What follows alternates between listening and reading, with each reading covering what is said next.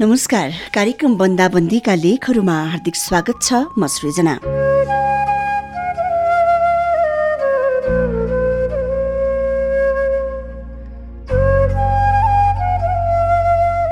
हरेक कुराको नकारात्मक र सकारात्मक दुवै बाटोहरू हुन्छन्। जसरी निष्पट्ट अन्धकारपछि आशाको उज्यालो झुल्कन्छ त्यसै गरी यो आजको कोरोना महामारीको अन्धकारपछि पनि नयाँ आशाको उज्यालो अवश्य देखिनेछ।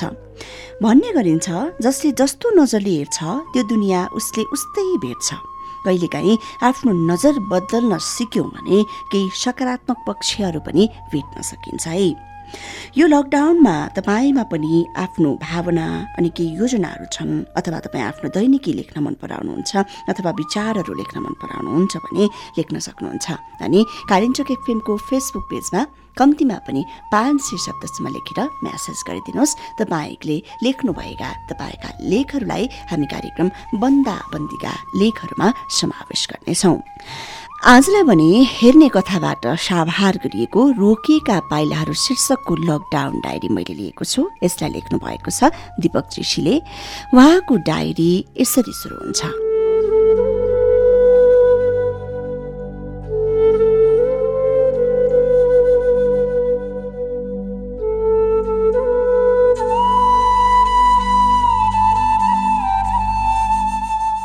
हजार पैँसठी सालमा काठमाडौँ छिरे। त्यसपछि जीवनलाई सफल अनि खुसी बनाउने चाहना बोकेर निरन्तर यात्रा गरिरहेछु।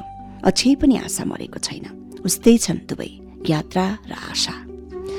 जीवनमा जतिसुकै प्राप्त गरे पनि त्योभन्दा अझ बढी पाउने अभिलाषा जाग्ने रहेछ। जति छ त्यतिमा खुसी हुन साँच्चै नै गाह्रो हुने रहेछ।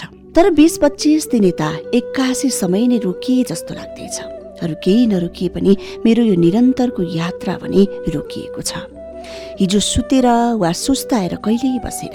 जीवनलाई सफल बनाउन वा भनौँ पूर्ण बनाउन निकै मेहनत परिश्रम गर्न पर्छ भन्ने लागेर सधैँ केही न केही गरिरहे। हिँडी नै रहे तर निरन्तर हिँडिरहेका मेरा पाइलाहरू आज अहिले यतिखेर पनि बाँच्नका लागि टक्क अडिएका छन्। कस्तो अचम्म। हिजोसम्म के के न भेटिए लाजै गरी हिँडेको जीवन आज अचानक थिर छ। सायद बाँच्न हिँडेका पाइतालाहरू बाँच्नकै लागि रोकिएका छन्। यो जीवन बन्द ढोकाभित्रै छ अचेल। साथमा छन् बित्ताका केही तान फोटो फ्रेम र तिनका यादहरू।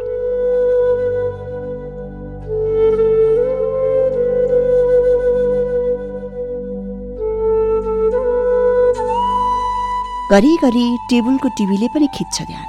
केही थान पुस्तक सकेपछि झ्याल बाहिरको संसारले पनि पालो पाउँछ केही बेर। अनि जति बेला पनि साथ साथ नै हुने भनेको चाहिँ यो सानो तर संसारै अटेको मोबाइल। दिनहरू बितिरहेकै छन्। साँच्चै फुर्सद पाएको छ यो ज्यानले जसरी फुर्सद पाएको छ वातावरणले आकाशले धरतीले। आकाश निलो छ हिमाल नजिकै देखिन्छन् सुन्दर छन्। हरिया बोट बिरुवा अझ काठमाडौँको रङ्गिएको सडक पेटी अनि शान्त बाटो। आहा। भनेर भन्न मन लाग्ने भएको छ।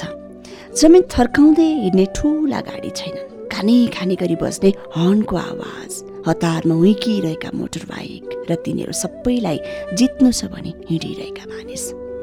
यी सबै एक्कासी रोकिँदा कति आनन्द मानिरहेका होलान् ती चराहरूले।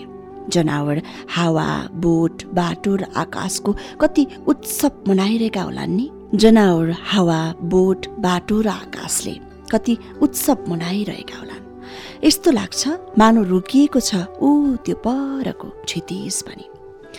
सुरुका दिनमा बेचैनी ल्याए पनि अहिले मेरो मन पनि शान्त र आशावादी हुँदैछ। बाल्यकालका सम्झनाले मन मस्तिष्कमा फेरि बास पाउन थालेको छ। चारैतिरबाट नदीले घेरेर बनेको टापु पश्चिम नेपालको बर्दिया राजापुरमा मेरो घर छ। खाना लाउनसम्म दुःख नहुने परिवारको बुवा आमा दाजु र भाइबीचको माइलो छोरामा। गाउँको कुनामा खरको छानोको घर गोठ र फुलै फुलको त्यो सानो आँगन घरबाट तिन किलोमिटर पर स्कुल। स्कुल जाँदा दाईको हात समातेर किताब टाउको माथि बोकेर कट्टु काँधमा राखेर खोला झरना तर्दै टाउकोसम्म माटोको छिटा लगाउँदै पुग्थ्यौँ।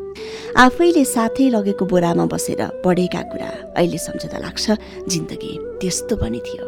दिन बितेर गए याद बाँकी छँदैछन्। अझ सबैभन्दा मजा त पैँतालिस मिनटको हाफ टाइममा आमाले दिएको एक रुपियाँले कहिले पट्टी कहिले भुजा कहिले कालो चुरन कहिले आँपको अम्चुर त कहिले इम्ली खाँदै हिँडेको। आहा क्या दिनहरू थिए ती।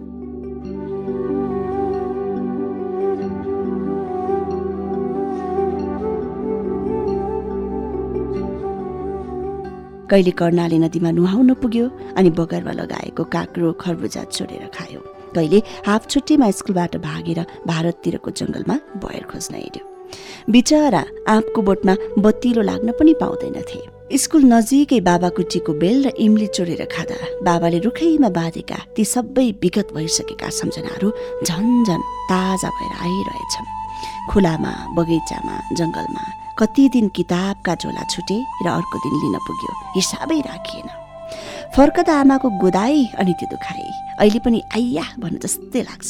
खेतमा बाढी आउँदा मजर धानीले माछा मारेको।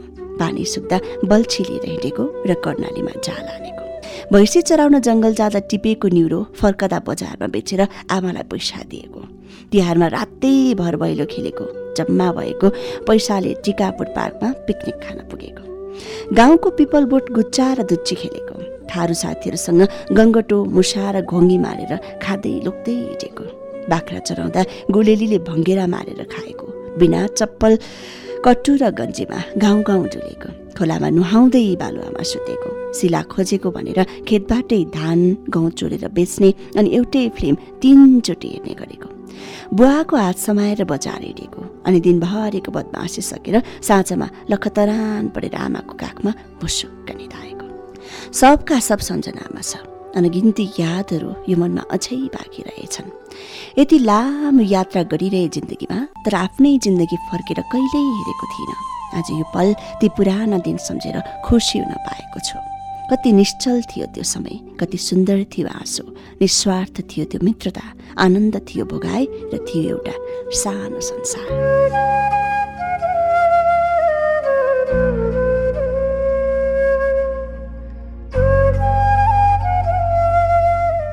दीपक जीसीले लेख्नु भएको रोकिएका पाइलाहरू शीर्षकको लकडाउन डायरी आजको कार्यक्रम बन्दाबन्दीका लेखहरूमा प्रस्तुत गरे श्रोता मित्र। यो कार्यक्रम सुनिरहँदा तपाईँ पनि सम्झँदै हुनुहुन्छ होला। तपाईँको विगत तपाईँको बाल्यकाल अनि ती पुराना रमाइला हाँसो उठ्दा अनि खुसीका पलहरूलाई। श्रोता मित्र आजको बन्दाबन्दीका लेखहरू यति नै। भोलि फेरि यस समयमा अर्को एउटा लेखको साथमा उपस्थित हुने नै छु। यतिन्जेलसम्म सुनेर साथ दिनुभयो तपाईँ सम्पूर्ण श्रोताहरूलाई विशेष धन्यवाद अनि प्राविधिक मित्र प्रहलादलाई विशेष आभार। भन्दै म बिदा हुन्छु। नमस्कार।